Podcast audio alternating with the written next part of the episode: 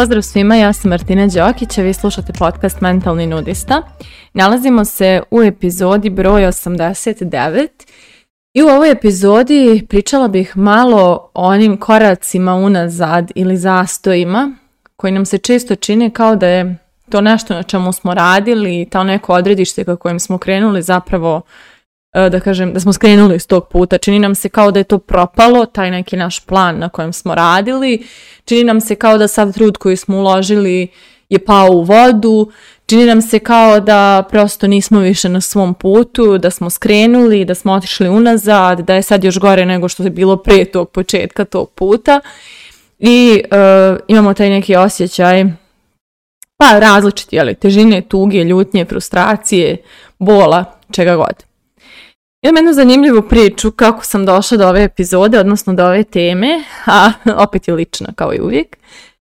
naime, e, nedavno, prije par dana išla sam do stana u kojem sam prethodno živjela, porodični naš stan, e, gdje, koji, u kojem moj, brat sada živi i prespavala sam tamo, čuvala sam psa bratovog. I onda sam počela da buljam po nekim svojim stvarima, da nađem neke sveske koje mi trebaju sa nekim starim gdje sam vodila neke stare poslovne informacije i tako dalje. I uzmem jednu od tih svesaka i uh, bukvalno kako sam je otvorila, otvori se na sredinu sveske, a tamo je jedan moj cilj. E sad ja već godinama, od kad sam jeli, ušla u NLP, to je počela da učim NLP i tako dalje, ja imam te momente da tu i tamo piskaram neke ciljeve i nekad su oni vrlo konkretni, vezani za nešto, neko ostvarenje, neko postignuće, a nekad su onako dosta vezani za neke emocije koje želim da osjetim, doživim, proživim i živim. E, I često mi se dešavala ova situacija da nađem staru svesku, u njoj nađem neki cilj, shvatim da se on ostvario i često da se vrlo precizno ostvario. E tako se desilo i ovaj put. Pa evo, pročitat ću vam znači, šta je to pisalo. U suštini dijelove neke, ne sve. Ali u suštini ovaj cilj sam pisala nekad u 2020. I opisivala sam kraj 2020. odnosno šta želim da postignem. Kako želim da se osjećam krajem 2020.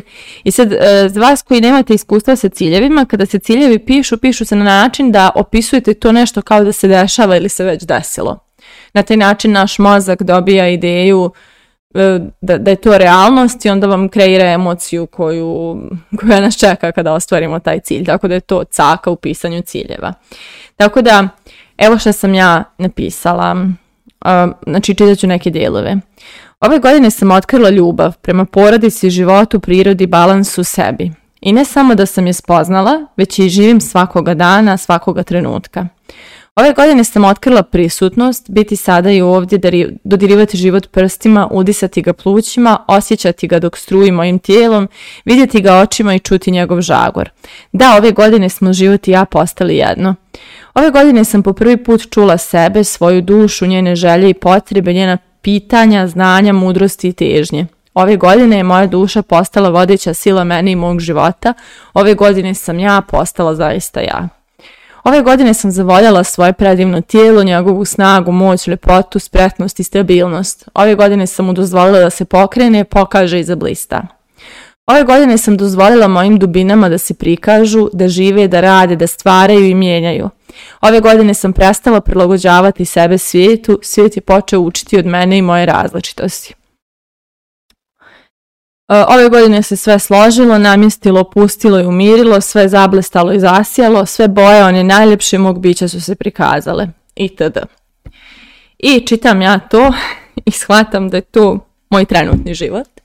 I baš ova osjećanja koje opisujem su osjećanja koja trenutno živim, bukvalno svaki dan i shvatim da je za to što sada živim ta osjećanja zaslužna prethodna godina koja je u najmanju ruku bila jako strašna za mene i to sam pričala više puta kroz ove podcaste i koliko e, imala sam jeli depresiju i anksioznost i svašta nešto i koliko sam prošle godine mislila da je sve stalo i da sve što sam uložila u sebe, sav, sav trud, rad na mom mentalnom zdravlju, na mom napretku, na prevazilaženju trauma i svega što sam, što sam činila za sebe, mislila sam da je to uzalud bilo, jer u trenutku kada se nađete u depresiji nakon skoro 10 godina ulaganja u svoj lični razvoj, čini vam se kao da ništa niste uspjeli. I taj mrak kada poklopi, čini se da nema nikakvog svjetla koliko god se godinama ranije činilo da je svjetlo osnova mog života.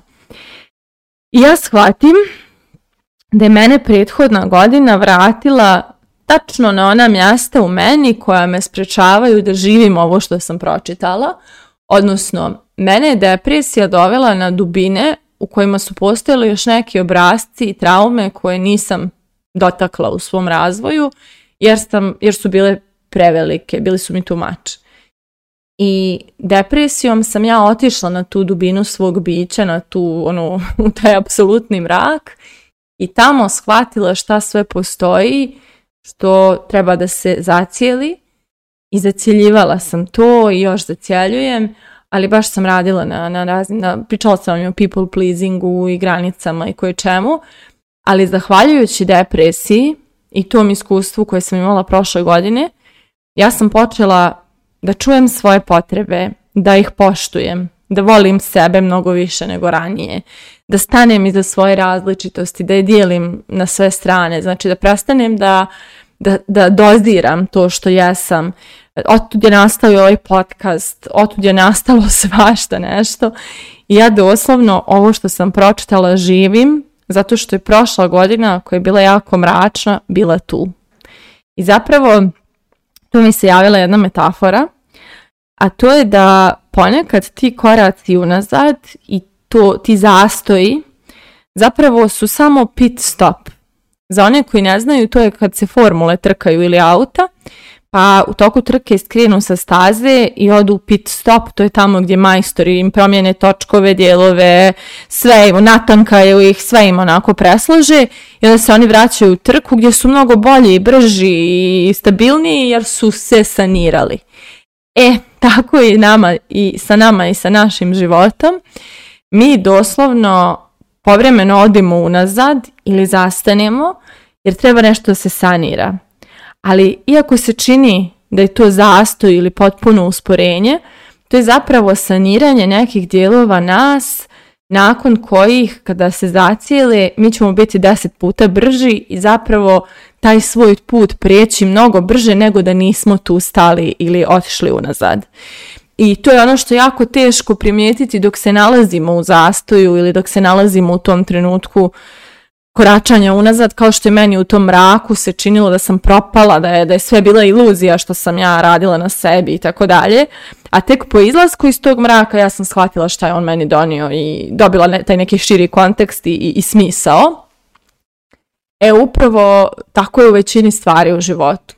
I to me uvijek vraća na onu izjavu koju Tony Robbins stalno ponavlja. Life is happening for us, not to us. Znači, život se dešava za nas, a ne nama. I ja se često zezam sa ljudima koji dosta rade na sebi, pošto često imaju te neke trigere, izazove, teme, procesi, svašta nešto. Ja se uvijek zezam ko vam je kriv što imate ciljeve. Jer onog trenutka kad zacrtate neki uh, dalji korak u svom životu, neki cilj, neko odredište, između toga ko smo sada i toga ko smo tada kada to postignemo, postoji određena razlika u mindsetu, ponašanju, fokusima, prioritetima, uvjerenjima i koje čemu. I ta razlika mora da se zatvori, da nestane, a će tako što otkrijemo gdje mi to, da tako reći, bagujemo, pa nismo ta verzija nas koja ima to što smo zacrtali da imamo, a da bismo otkrili gdje su ti bagovi, da bismo ih uklonili, moramo nekad naići na neki zid, odnosno nešto će nas okinuti da odemo u te dijelove sebe koji su možda ranjeni, troše energiju, vuku nazad, ne daju da se napreduje, ne vjeruju dovoljno u nas, boje se i slično i susresti se sa tim dijelovima sebe i iscijeliti ih. E upravo se to desilo meni, znači prošle godine ja sam otišla u svoj pit stop, Tamo su mi se dijelovi mene zacijelili, sredili, zamijenili, presložili. I onda sam izašla nazad na stazu, brža nego ikad. E, e, eto, to je otprilike metafora koju sam željela da podijelim s vama i priča koju sam željela da podijelim, jer meni je onako baš inspirativno bilo ovih dana razmišljati o tome. I zaista, ja imam tetovažu koja govori o tome da šta god da se dešava u ovom trenutku, kada se spoje sve tačkice i dobije se širi kontekst, to je uvijek ljubav koja dolazi od ozgo, ali nekad se mora sačekati da se te e, tačkice spoje i ako tražite smisao u raznim teškim situacijama i trenucima koje su vam se desile, apsolutno ćete ga naći i sve će to postati stepenica ka onom svemu što želite da postanete i želite da dobijete. Tako da moje pitanje za kraj ove epizode jeste u kom polju života ste trenutno u pit stopu i koji dijelovi vas trenutno zacjeljuju da biste stigli tamo gdje ste krenuli. Mislite o tome, a mi se družimo u narednoj epizodi.